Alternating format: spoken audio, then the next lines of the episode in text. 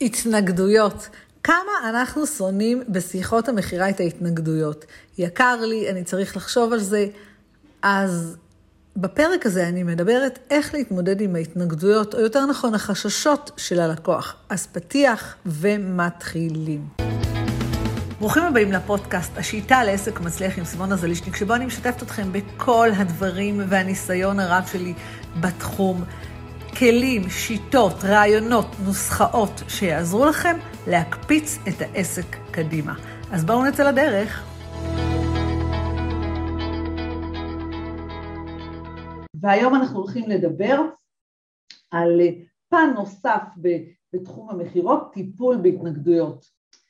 אחד הדברים החשובים אה, בכל תהליך המכירה זה דבר ראשון לדאוג להביא את הלקוח הנכון. זאת אומרת, הצלחה של תהליך המכירה מותנית בזה שדייקנו את הלקוח האידיאלי, זאת אומרת, זה שהגיע לתהליך המכירה הוא הלקוח המדויק. אני פשוט ככה עושה רגע סדר כללי שנייה על תהליך המכירה. והדבר השני, אה, שמאוד חשוב לדעת, זה שהגיע אלינו לקוח שעבר תהליך שיווק, ואני אסביר למה אני מתכוונת תהליך, עבר תהליך שיווק, הוא לא לקוח קר, הוא אה, קרא תכנים שלנו, ראה דברים שלנו, שמע עלינו, יודע עלינו משהו. למה הדברים האלה חשובים? כשהלקוח שלי הוא לקוח אידיאלי, שמתאים במדויק למוצר שלי, שהוא באמת מישהו שהוא רלוונטי לעסק שלי, אז כמובן שיהיה לי הרבה יותר קל או פשוט למכור לו, אוקיי? יותר פשוט למכור לו, כי הוא מתאים. אם זה לקוח שהוא לא אידיאלי, שהוא לא מתאים, שהוא לא, ש, ש, שהמוצר שלי לא יושב עליו בול, אז מן הסתם הוא לא, אה, הוא לא ירצה לקנות והתנגדויות יהיו הרבה הרבה יותר גדולות בסוף. עוד דבר, כשלקוח שמגיע לשלב הסיום, שלב המכירה, שלב ההתנגדות, אה, אה, הוא לקוח שעבר תהליך של חינוך, הוא ראה תכנים שלי, הוא שמע עליי, הוא יודע עליי קצת יותר, הוא מכיר, אוהב וסומך עליי, מה שנקרא, אז בתוך ההתנגדויות הוא יהיה הרבה יותר בטוח וידייק לי בדיוק את מה שהוא אה, רוצה, זאת אומרת הוא בדיוק, הוא יותר ישתף פעולה, אוקיי? הלקוחה הזו יותר תשתף פעולה ותכף אני אסביר באיזה נושאים. אז לכן זה שני דברים שמאוד חשובים, כשאני מנסה למכור ללקוח קר שלא מכיר אותי, זה מתחיל להיות מין מסע שכנוע, אני מנסה להסביר לו, אה, פשוט מסע שכנוע שהוא מאוד קשה כי אנחנו רוצים להעביר בתוך תהליך המכירה גם תהליך של שיווק. ולכן אה, לדבר עם לקוחות קרים ולקבל התנגדויות זה מאוד טבעי. זאת אומרת שאם דיברתם במקרה עם לקוח קר ואתם מרגישים התנגדויות מאוד גדולות, מאוד יקר לי, אני צריך לחשוב על זה, אה, תתייחסו לזה דבר ראשון בתוך ההתנגדות. האם הלקוח הזה מכיר אותי טוב, קרא דברים שלי, ראה דברים שלי, או שהלקוח הזה הכיר אותי רק אה, לפני, או כמה זמן הוא מכיר אותי, כמה זמן הוא עוקב אחריי. אה, או שהלקוח הזה ממש הכיר אותי רק אתמול, או אני, זה ליד שממש לא קרה שום דבר, לא עשה שום דבר, ואז ההתנגדויות יהיו הרבה יותר כבדות, וגם השיתוף פעולה בתהליך הטיפול בהתנגדויות מצד הלקוח יהיה הרבה יותר קשה. ולכן, עכשיו אני אומרת את זה לא כדי שתשחררו את הלקוח, הגיע אליכם לקוח ואתם מנהלים שיחת מכירה והוא לקוח יחסית קר, יחסית שמכיר אתכם מעט זמן, לא שמע עליכם, לא קיבל המלצות עליכם, לא קרא עליכם כלום, צריך להתייחס לזה אה, בצורה יותר, אה, בהבנה יותר גדולה בתהליך ההתנגדויות. אז בואו נדבר רגע על, על מה קורה בעצם בתהליך ההתנגדויות. מכרנו ללקוח, הסברנו לו הכל, בהתלהבות רבה. עשינו את כל תהליך המכירה והגיע השלב שהלקוח אה, צריך בעצם אה, לקנות, לסגור את העסקה. ואז מה שקורה זה, מה הלקוח אומר? יקר לי. זאת אומרת שברגע שהלקוח אמר יקר לי, אני רוצה שתבינו שיש פה שתי אופציות. אופציה אחת, דבר אחד, זה שבאמת זה יקר לו, כרגע ללקוח הזה אין כסף. אין לו כסף כרגע לשלם, אוקיי?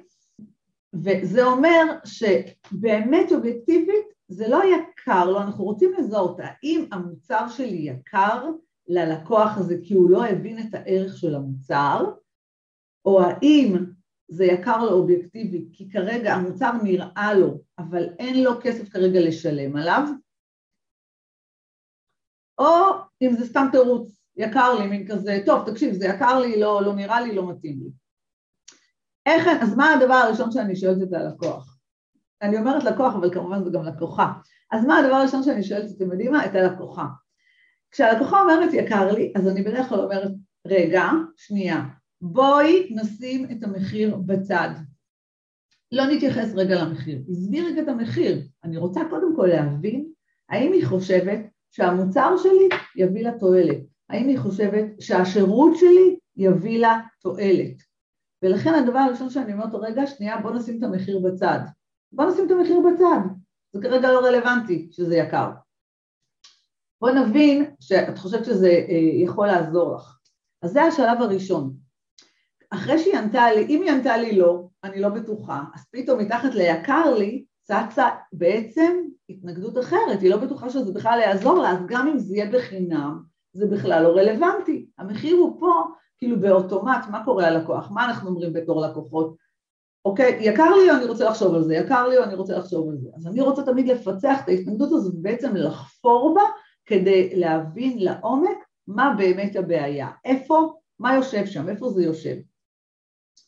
אז שוב, אז אני אומרת, אוקיי, נניח שזה לא, עזבי רגע את המחיר, אני רוצה רגע להבין שבעצם המוצר הזה יכול לעזור לך, שהשירות שלי יכול לעזור לך, זה יביא לך את התוצאה שאת רוצה, ואני חוזרת לתוצאה שהלקוחה רוצה, האם זה יביא את התוצאה שאת רוצה.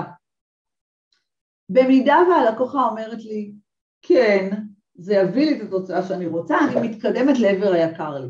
אבל יש הרבה פעמים שהלקוח יגיד לכם, לא, אני לא, בטוח, אני לא בטוחה, לא יודעת, וכאן עולים דברים שהם אה, פרקטיים, כי פה עולים נקודות שאני יכולה להסביר שוב את המוצר שלי, אוקיי? אני יכולה להסביר שוב את המוצר שלי.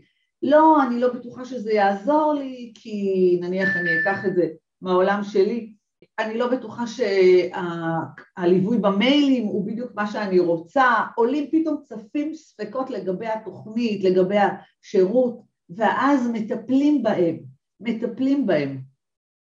אני רוצה להגיד רגע, אפילו שני, צעד רגע אחורה, לטפ... ההתנגדויות, לא לפחד מההתנגדויות, אוקיי? לא לפחד מההתנגדויות, ואני גם אתן לכם אה, בעצם זמן מסוים, אם אנחנו מסתכלים על שיחת המכירה, שיחת המכירה נניח, אה, נניח שהיא חצי שעה, אוקיי? נניח שהיא חצי שעה פלוס מינוס 25, 25 דקות, בתוך שיחת המכירה יכול להיות שאפילו הסיומת שלה, שזה השלב של ההתנגדויות, יכול להיות שאתם תוסיפו עוד עשר דקות לשיחת המכירה, לשיחת המכירה הייעוצית, רק בשביל לטפל בהתנגדויות. רק כדי, זה בעצם שלב הסגירה. שלב הסגירה הוא נפרד. לא סתם עשיתי פה פרק שלם על טיפול בהתנגדויות. כי בהתנגדויות אתם כאילו עכשיו קפצתם עוד מדרגה. זה לא, הלקוח לא אמר, הלקוח רוצה לשמוע עוד. זאת אומרת, אז אם אנחנו מדברים על יקר לי, אני שמה, אני רוצה שתשים רגע בצד את המחיר, האם אתה חושב שזה יעזור לך? אם הלקוח אמר כן, נפלא. אם, המח, אם הלקוח אמר לא, תתפלאו כמה פעמים אומרים לא, אז, אז אנחנו רוצים להבין למה לא, והוא פשוט יגיד לנו, בדרך כלל הוא יגיד, אה, אה, אני לא יודעת אם זה, אני, אני לא יודעת אם זה מספיק לי, עשיתי כבר תוכנית כזו, אה, עשיתי כבר תהליך כזה, קניתי כבר מוצר כזה והוא לא עזר לי בכלל, הייתי כבר בשלוש תוכניות כאלה, כל מיני כאלה, אוקיי? כל מיני דברים כאלה שהם ממש אה, נוגעים בדבר הזה. הדבר הנוסף, אחרי שהוא אמר לי, יקר לי, והוא אמר לי, והוא אומר, כן, אני חושב שזה יעזור לי, אני חושב שזה יעזור לי, אוקיי? אני חושב שזה יעזור לי. אחד, לא יעזור, שתיים, כן, אני חושבת שזה יעזור לי. פה אנחנו יכולים לדבר על, אוקיי, אז מה, במה זה יעזור לך? בוא שתף אותי, במה זה יעזור לך? אנחנו מעלים את זה עוד פעם למעלה ואנחנו מסבירים ללקוח, ואנחנו רוצים שהלקוח ישתף אותנו, במה זה יעזור לו. זה ישנה לי את החיים, זה יעשה לי, יהיה לי יותר קל למכור את הדירה, אני ארד במשקל, אנחנו רוצים שהלקוח יעלה שוב את, ואנחנו רוצים גם לשמוע את זה, אנחנו רוצים לשמוע את זה שהוא מבין טוב את התועלות שיצאו לו, והוא מודע אליהם והוא אומר אותם. זה מחזק את המכירה, אוקיי? זה מחזק ללקוח את המכירה, ויכול להיות שאנחנו נגלה שהוא לא הבין את כל התועלות וזה גם בסדר. בעצם הטיפול בהתנגדויות זה מין בדיקה שתהליך המכירה עבר כמו שצריך. אז זה מחזק. עכשיו, מה שאני, מה שאני אה, רוצה עוד שנייה להוסיף לנקודה של הטיפול בהתנגדויות, דמיינו שאתם מדברים עם הלקוח, עם החבר הכי טוב שלכם. אל ת... כאילו, אני אפילו לא אוהבת לקרוא לזה טיפול בהתנגדויות, אוקיי? כי זה, כשאנחנו מטפלים בהתנגדויות זה כאילו מוציא אותנו, אנחנו כאילו יצאנו לקרב, יצאנו למלחמה. לא, זה לא מלחמה, זה לא קרב, זה רק עוד שלב בתהליך המכירה, עוד שלב שאנחנו צריכים לצלוח אותו כדי לעזור ללקוח שלנו, שזאת המטרה הסופית. תהליך המכירה הוא תהליך הובלה, שבו אנחנו רוצים לעזור ללקוח שלנו על ידי זה שהוא יקנה את המוצר שלנו, והשירות והמוצר שלנו יעזרו לו. אז, אז אני יודעת שקוראים לזה בשפת, בשפה, בעגה המקצועית טיפול בהתנגדויות, אבל אל תיכנסו שם לקרב, בלי המון אמוציות, אוקיי? להוריד את האמוציות, לבוא בגישה חיובית, בגישה של אם חבר שלי היה מדבר איתי, מה הייתי אומרת לו? אוקיי? מה הייתי אומרת לו? ובסוף אני אתן לכם דוגמה על לקוח שאמרתי לו, אתה לא מתאים כרגע לתוכנית, ובוא תתחיל בתהליך ביום אחר, אה, בתקופה אחרת, בעקבות הטיפול בהתנגדויות, אוקיי? אז, אה, אז הלקוח אמר, יקר לי, הלקוח אמר, כן, זה יעזור לי וזה יעשה לי ככה וזה יעשה לי ככה וזה יעשה לי ככה, אנחנו עכשיו גורמים לו להבין מה זה יעשה לו, ואז אני, ואז אני אומרת לו, אוקיי, אז אתה, אז אוקיי, אם כל הדברים הטובים האלה יקרו לך, אז האם לשלם, לא יודעת כמה שזה עולה, 560 שקל או 1,000 שקל, זה משהו שהוא נראה לך יקר תמורת כל התועלת הזו? אוקיי. יכול להיות שהוא יגיד כן, ואם הוא אומר לא, אז נהדר. אוקיי, אם הוא אומר לא, זה נהדר, אני שמה רגע בצד את הלא. אם הוא אומר כן, אז אפשר לשאול אותו, למה אתה חושב שזה יקר? ברגע שהלקוח אומר למה אתה חושב שזה יקר, הוא יסביר לנו למה, למה הוא חושב שזה יקר. כי ראיתי במקום אחר משהו יותר זול, כי אה, כרגע אין לי כסף. יכול להיות שכרגע תזרים ייתן לו כסף ואז אנחנו יכולים לפתור נקודתית את התזרים. אוקיי? זאת אומרת, סביב היקר לי יש המון דברים. אם אני אחזור עוד פעם על, שלב הסעיפים, על שלב הטיפול ביקר לי, אחד, אני שמה רגע את הכסף, הדבר הראשון שאני אומרת ללקוח, אני שמה רגע את הכסף בצד, עזוב יקר לי, בואו רגע, בואו נסתכל רגע על התוכנית, האם התוכנית הזאת תעזור לך? האם התהליך שאנחנו צריכים לעשות ביחד יעזור לך? האם המוצר הזה יעזור לך? האם השירות שאני רוצה לתת לך יעזור לך? זה אחד. אם הלקוח אומר כן, נהדר.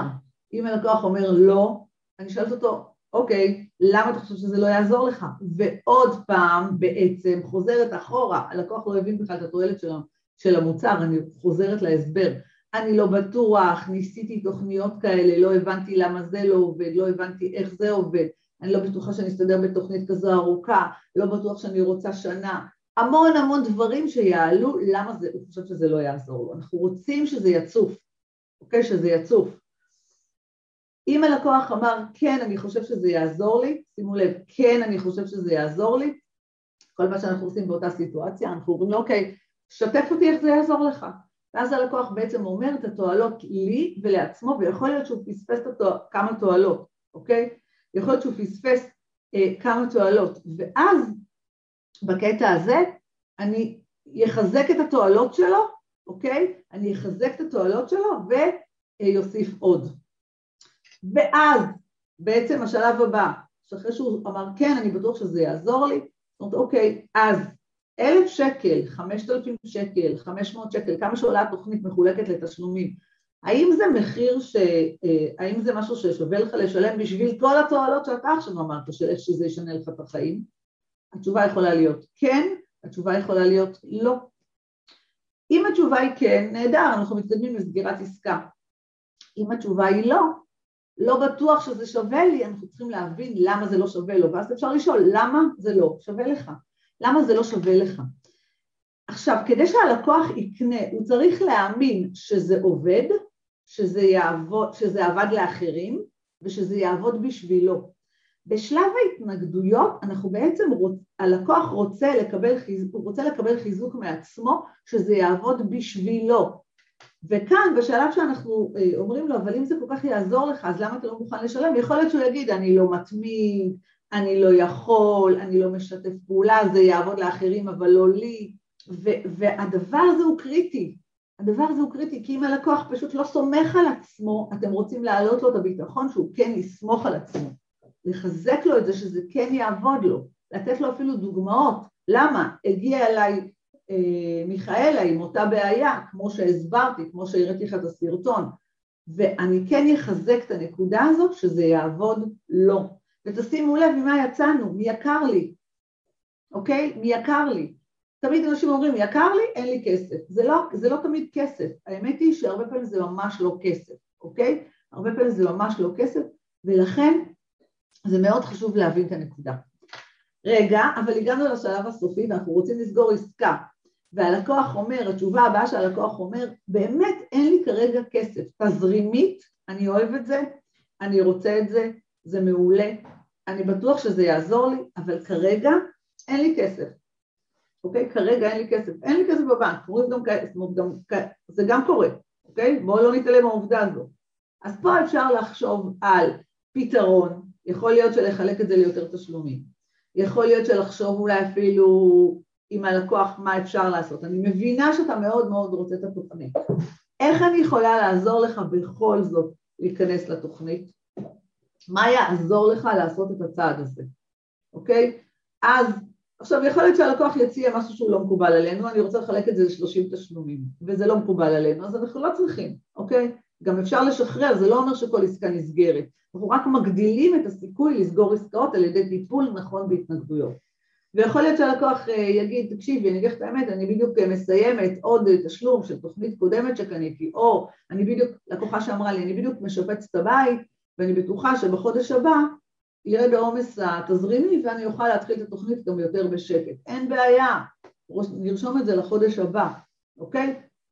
ונחזור ללקוחה בחודש הבא. זאת אומרת, יכול להיות שגם יהיו דברים שהם אובייקטיביים, אוקיי, מה אני יכולה לעשות? אני אומרת מה אני יכולה לעשות רק אחרי שפיצחתי שהלקוחה רוצה את התוכנית, אוקיי? שהלקוח רוצה את התוכנית, שהוא מבין שזה יעזור לו, שהוא מבין את התועלות, והבעיה הכספית היא באמת בעיה אובייקטיבית, אוקיי? בעיה אובייקטיבית שבאמת הלקוח רוצה, אבל כרגע לא יכול לשלם. עוד משהו אחד ביקר לי, הרבה פעמים הלקוח אומר, למשל בתחום של השירות לעסקים, אה, אני שומעת הרבה פעמים, קודם אני אעשה כסף ואחר כך אני אשקיע בעסק. אוקיי? אז פה זה יקר לי מסוג אחר, יקר לי כרגע, אני קודם ארוויח כסף ואז אני אבוא אלייך, או קודם אני ארוויח כסף ואז אני אבנה אתר, קודם אני ארוויח כסף ואז אני אעשה מיתוג, קודם אני ארוויח כסף ואז אני אעשה, כאשר בעצם השירות שאני נותנת, או השירות שמי שנותן שירות לבעלי עסקים, זה השירות שאמור להכניס להם כסף. זאת אומרת, הלקוח אומר, אני אנסה לבד להגיע לתוצאות, ואז אני אבוא אלייך. פה המקום להגיד ללקוח, תקשיב רגע, כאילו זה אף פעם לא עובד ככה.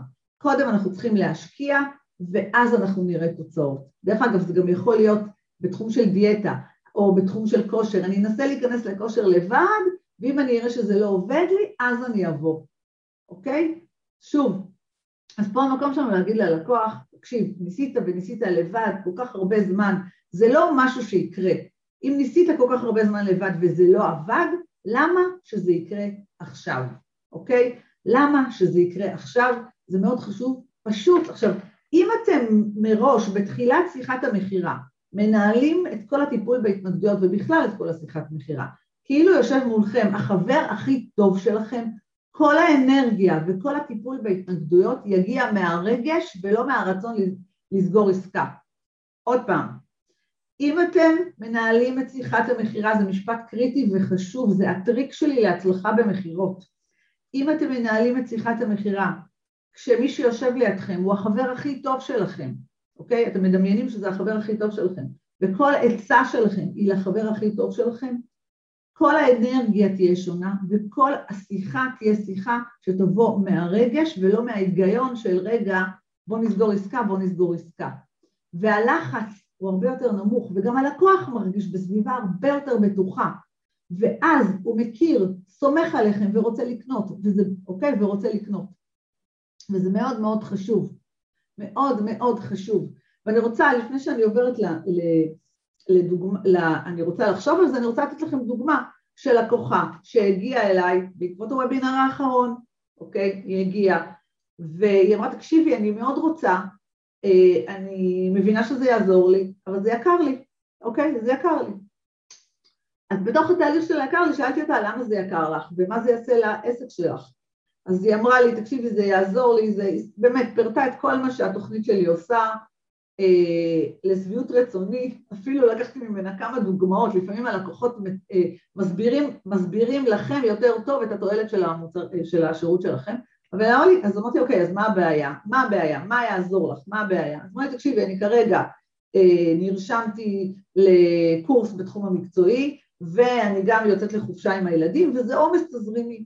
אז כל מה שאמרתי לה זה, את צודקת, שימו לב מה אמרתי לה, כאילו על פניו ויתה אותי על מכירה, אבל לא. את צודקת מאה אחוז, זה באמת ייצר לך עומס תזרימי, וזה מאוד חשוב להגיע כשאת לא עמוסה תזרימית. אז לכן בואי רגע נחשוב ביחד, מתי את כן תוכלי, מתי את כן תוכלי לשלם את התשלום הראשון לתוכנית, אוקיי? מתי את כן תוכלי לשלם את התשלום הראשון לתוכנית. אז היא אמרה לי, תקשיבי, נראה לי שבאמצע אוגוסט. נהדר, כתבנו את התאריך, אמרתי לה, נהדר, אז עכשיו את יוצאת לחופש, ואת גם עסוקה בקורס נוסף. זה סתם עמוס להיכנס לעוד תוכנית, לפעמים זה לא עמוס, לפעמים אני אומרת שזה בסדר, אוקיי? אבל במקרה הספציפי שלה זה היה תחום אחר לגמרי. אז אמרתי, הכי נכון זה שאנחנו נדבר בראשון לאוגוסט, שימו לב, בראשון לאוגוסט, ותתחילי ב-15. והלקוחה אמרה לי, אין שום בעיה, את יכולה לשמור לי את כל ההטבות, אני מוכנה אפילו לתת לך את הכרטיס אשראי, תשמרי לי את כל ההטבות של הוובינר ותחייבי אותי רק ב-15, תבינו מה קרה. אני לקחתי צעד אחורה, אמרתי לה, את צודקת, הכל בסדר. הלקוחה לקחה צעד קדימה ואמרה, אוקיי, אני מתחייבת מעכשיו ל-15 לאוגוסט, אוקיי? זה לא היה קורה אם לא הייתי לוקחת צעד אחורה, אם לא הייתי מתייחסת אליה כאילו היא החברה הכי טובה שלי. לחברה הכי טובה שלי לא הייתי אומרת לה, בואי, כנסי, גם לקורס הזה, הוא יעזור לך, אני תמיד אומרת בהגינות ללקוחות, אני תמיד אומרת בהגינות ללקוחות, אם זה כן מתאים או לא מתאים. ויש כאלה שאני אגיד להם שזה כן מתאים, ויש כאלה שאני אגיד להם, אוקיי, תתחילו שבוע הבא, תתחילו בעוד חודש, תתחילו בעוד חודשיים. אז זה מאוד מאוד חשוב. אז כל זה היה על יקר לי. עכשיו אנחנו בואו נדבר על ההתנגדות השנייה, אני רוצה לחשוב על זה. כשהלקוח אומר אני רוצה לחשוב על זה, דבר ראשון תעצרו רגע, תנשמו שנייה, אוקיי? תנשמו. אוקיי? תנשמו שנייה ותשאלו אותו, על מה, שתף אותי, על מה אתה רוצה לחשוב? הרי הלקוח עכשיו לא יושב בבית רגל על רגל וירצה לחשוב על זה. כאילו, עם מי הוא יחשוב? אז אכפת לך לשתף אותי על מה אתה רוצה לחשוב? לפעמים זה יהיה, אני צריך, אה, אני, אני לא בטוחה שהבנתי את כל התוכנית, אני לא בטוחה שאני יכולה להתחייב, יעלו המון דברים, אוקיי? יכול להיות שגם יעלה, זה יקר לי, אני רוצה לחשוב על זה, אבל זה בעצם יקר לי, אז אנחנו חוזרים לטיפול ביקר לי. אני לא בטוח, אני לא יודע בדיוק, עוד לא החלטתי, אני לא מאלה שמחליטים מהר, אני לא מאלה שמחליטים מהר. גם פה אני עוצרת רגע ואני אומרת שנייה רגע, בוא אני רק רוצה להבין דבר אחד, האם אתה חושב שהתוכנית תעזור לך? אני רוצה, אנחנו רוצים להבין שהלקוח אומר כן. האם אני, אתה חושב שהתוכנית תעזור לך? שוב, אם הוא אומר כן, נהדר, אני שואלת אותו איך זה יעזור לו, אם הוא אומר לא, אני מחדדת שוב פעם ורוצה להעלות את התועלת, אוקיי? ואז הוא יכול להגיד לי, התוכנית, עכשיו, יכול להיות שהלקוח יגיד, אני רוצה, אני יודע שזה יעזור לי, אבל אני לא מאלה שמחליטים מהר. זה גם בסדר. זה בסדר להגיד לו, נהדר, אני יודעת, יש כאלה שלא מחליטים מהר, אז בוא שתף אותי, אבל מה הדילמה שלך? מה עוצר אותך מלהירשם עכשיו? לכל דבר שהלקוח אה, מעלה, עוצר אותי כי אני חייב להסתכל על כל התוכנית. מישהי אמרה לי, אני חייבת להסתכל על כל התוכנית, לשבת חצי שעה ורק להסתכל עליה. אוקיי, נהדר, תסתכלי על כל התוכנית, אני שולחת לך אותה. בואי, את רוצה שנדבר בעוד שעה? את רוצה שנדבר מחר בבוקר? מפה אני ממשיכה הלאה. אני רוצה לחשוב, אוקיי, אני ממשיכה את התהליך, אני לא נוטשת. אני לא אומרת לה, אוקיי, נהדר, אני רוצה לחשוב על זה, נהדר, מתי נדבר? לא, אני רוצה פה לנהל דיאלוג. אני אחרי, אני רוצה לחשוב על זה, מנהלת עוד, בואו נקחו את זה ככה. אה, בין חמש לשבע דקות מינימום אתם מדברים על הנושא הזה, אלא אם כן הלקוח אומר עזבי אותי ו... ולא רוצה להמשיך לדבר, אבל בין חמש לשבע דקות זה טיפול בהתנגדויות. יכול להיות שהלקוח יגיד, יגיד, אני רוצה לחשוב על זה, כי אני בדרך כלל מתייעצת עם אשתי, אני מתייעצת עם בעלי, זה גם בסדר.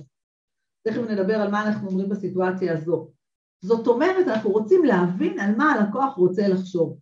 הדבר הנוסף, אני לא בטוח שאני אצליח בזה. אני לא בטוח שאני אצליח בזה, אוקיי?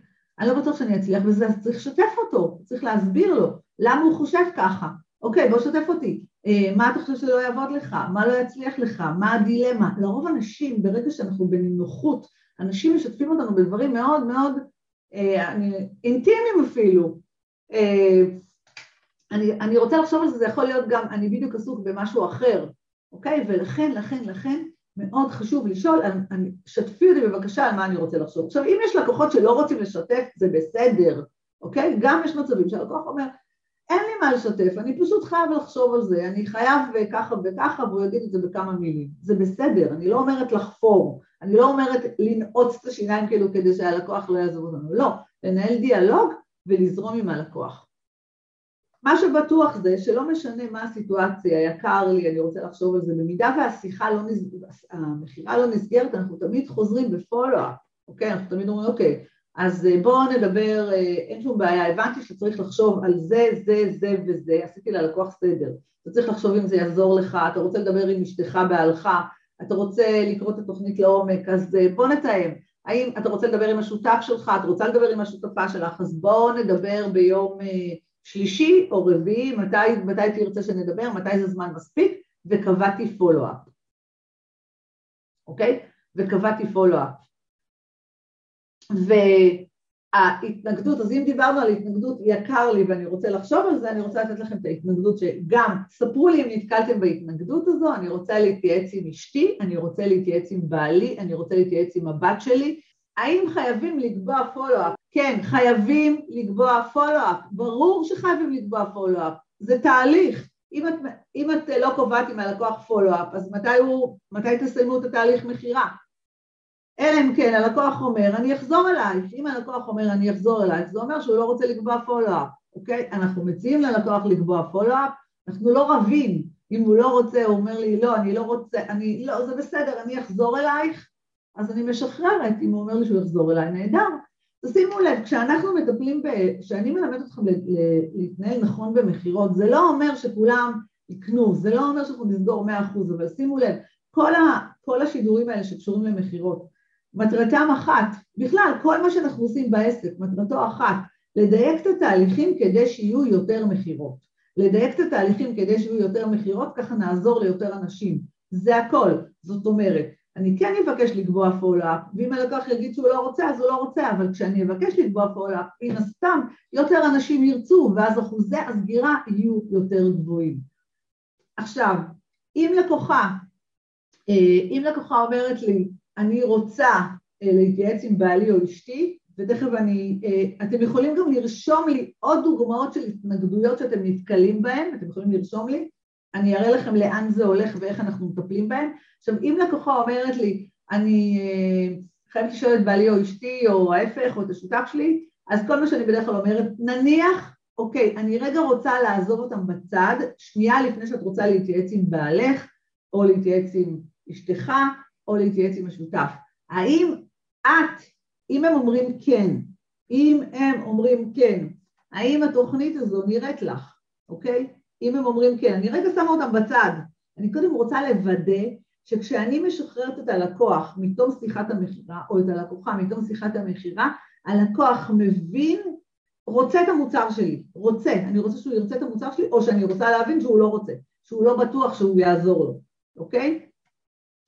אז בקטע הזה הם מאוד חשוב, אז אני אומרת, אוקיי, אם הם יגידו כן, אוקיי, האם את תקני את המוצר, האם תיכנסי לתהליך? ברור שכן, או אני לא בטוחה, אני לא יודעת, ואז חזרנו עוד פעם להסביר על המוצר. שימו לב, אני תמיד מתקדמת קדימה, שואלת, שואלת, ותמיד אני חוזרת לשאלה, נהדר, האם את חושבת, נניח שהם יגידו כן, האם את חושבת שהמוצר הזה יעזור לך? תמיד אני אשאל האם את חושבת שהשירות הזה יעזור לך. לא משנה מה ההתנגדות, אני תמיד אשאל את השאלה הזו אחרי זה, אוקיי? למשל, נתקלתי בהתנגדות של כרגע אני לא פנויה לזה. נהדר, אז אפשר להגיד אותו דבר, אני מבינה שכרגע את לא פנויה לזה, אבל אני רוצה לשאול אותך שאלה, האם, האם השירות הזה יעזור לך? האם את חושבת שהתוכנית הזאת תעזור לך? אני רוצה לוודא, כן, זה יעזור לי, לא, אני לא בטוחה. אם היא אומרת כן זה יעזור לי, מפה אני יכולה לעזור לה למצוא את הזמן, איך היא כן תמצא זמן לדבר הזה, או מתי היא תמצא זמן לדבר הזה. אם היא אומרת לי לא, לא בטוחה, זה אומר שאין לי זמן, זה תירוץ, אוקיי? הרבה פעמים אנשים אומרים, אין לי זמן, אני צריך לחשוב על זה, ואין לי כסף. מתחת לזה יושבים סיבות אחרות לגמרי, ואנחנו רוצים לפצח את הסיבות האחרות. ולכן כשהלקוח אומר, יקר לי, אני צריך לחשוב על זה, אין לי זמן, הדבר הראשון שאנחנו אומרים זה, שנייה רגע אני שמה את הכסף בצד, שנייה רגע אני שמה את הזמן בצד, שנייה רגע אני שמה את אשתך בצד, שנייה רגע אני רוצה להבין, האם אתה, האם אתה חושב שהתוכנית הזו תעזור לך, אוקיי? מי מוכן לכתוב את זה בתגובות? האם אתה חושב שהתוכנית הזאת תעזור לך? ופה אני רוצה שהלקוח יגיד כן, ואני, ואז אני אומרת לו איך היא תעזור. אם הוא אומר לי לא, אז אנחנו צריכים לחדד את זה, אוקיי? וזה, וזה מאוד מאוד חשוב להבין את זה. אם אהבתם את הפרק הזה, אשמח מאוד שתשאירו לי פה תגובה או שתיתנו לי דירוג, ונתראה בפרק הבא.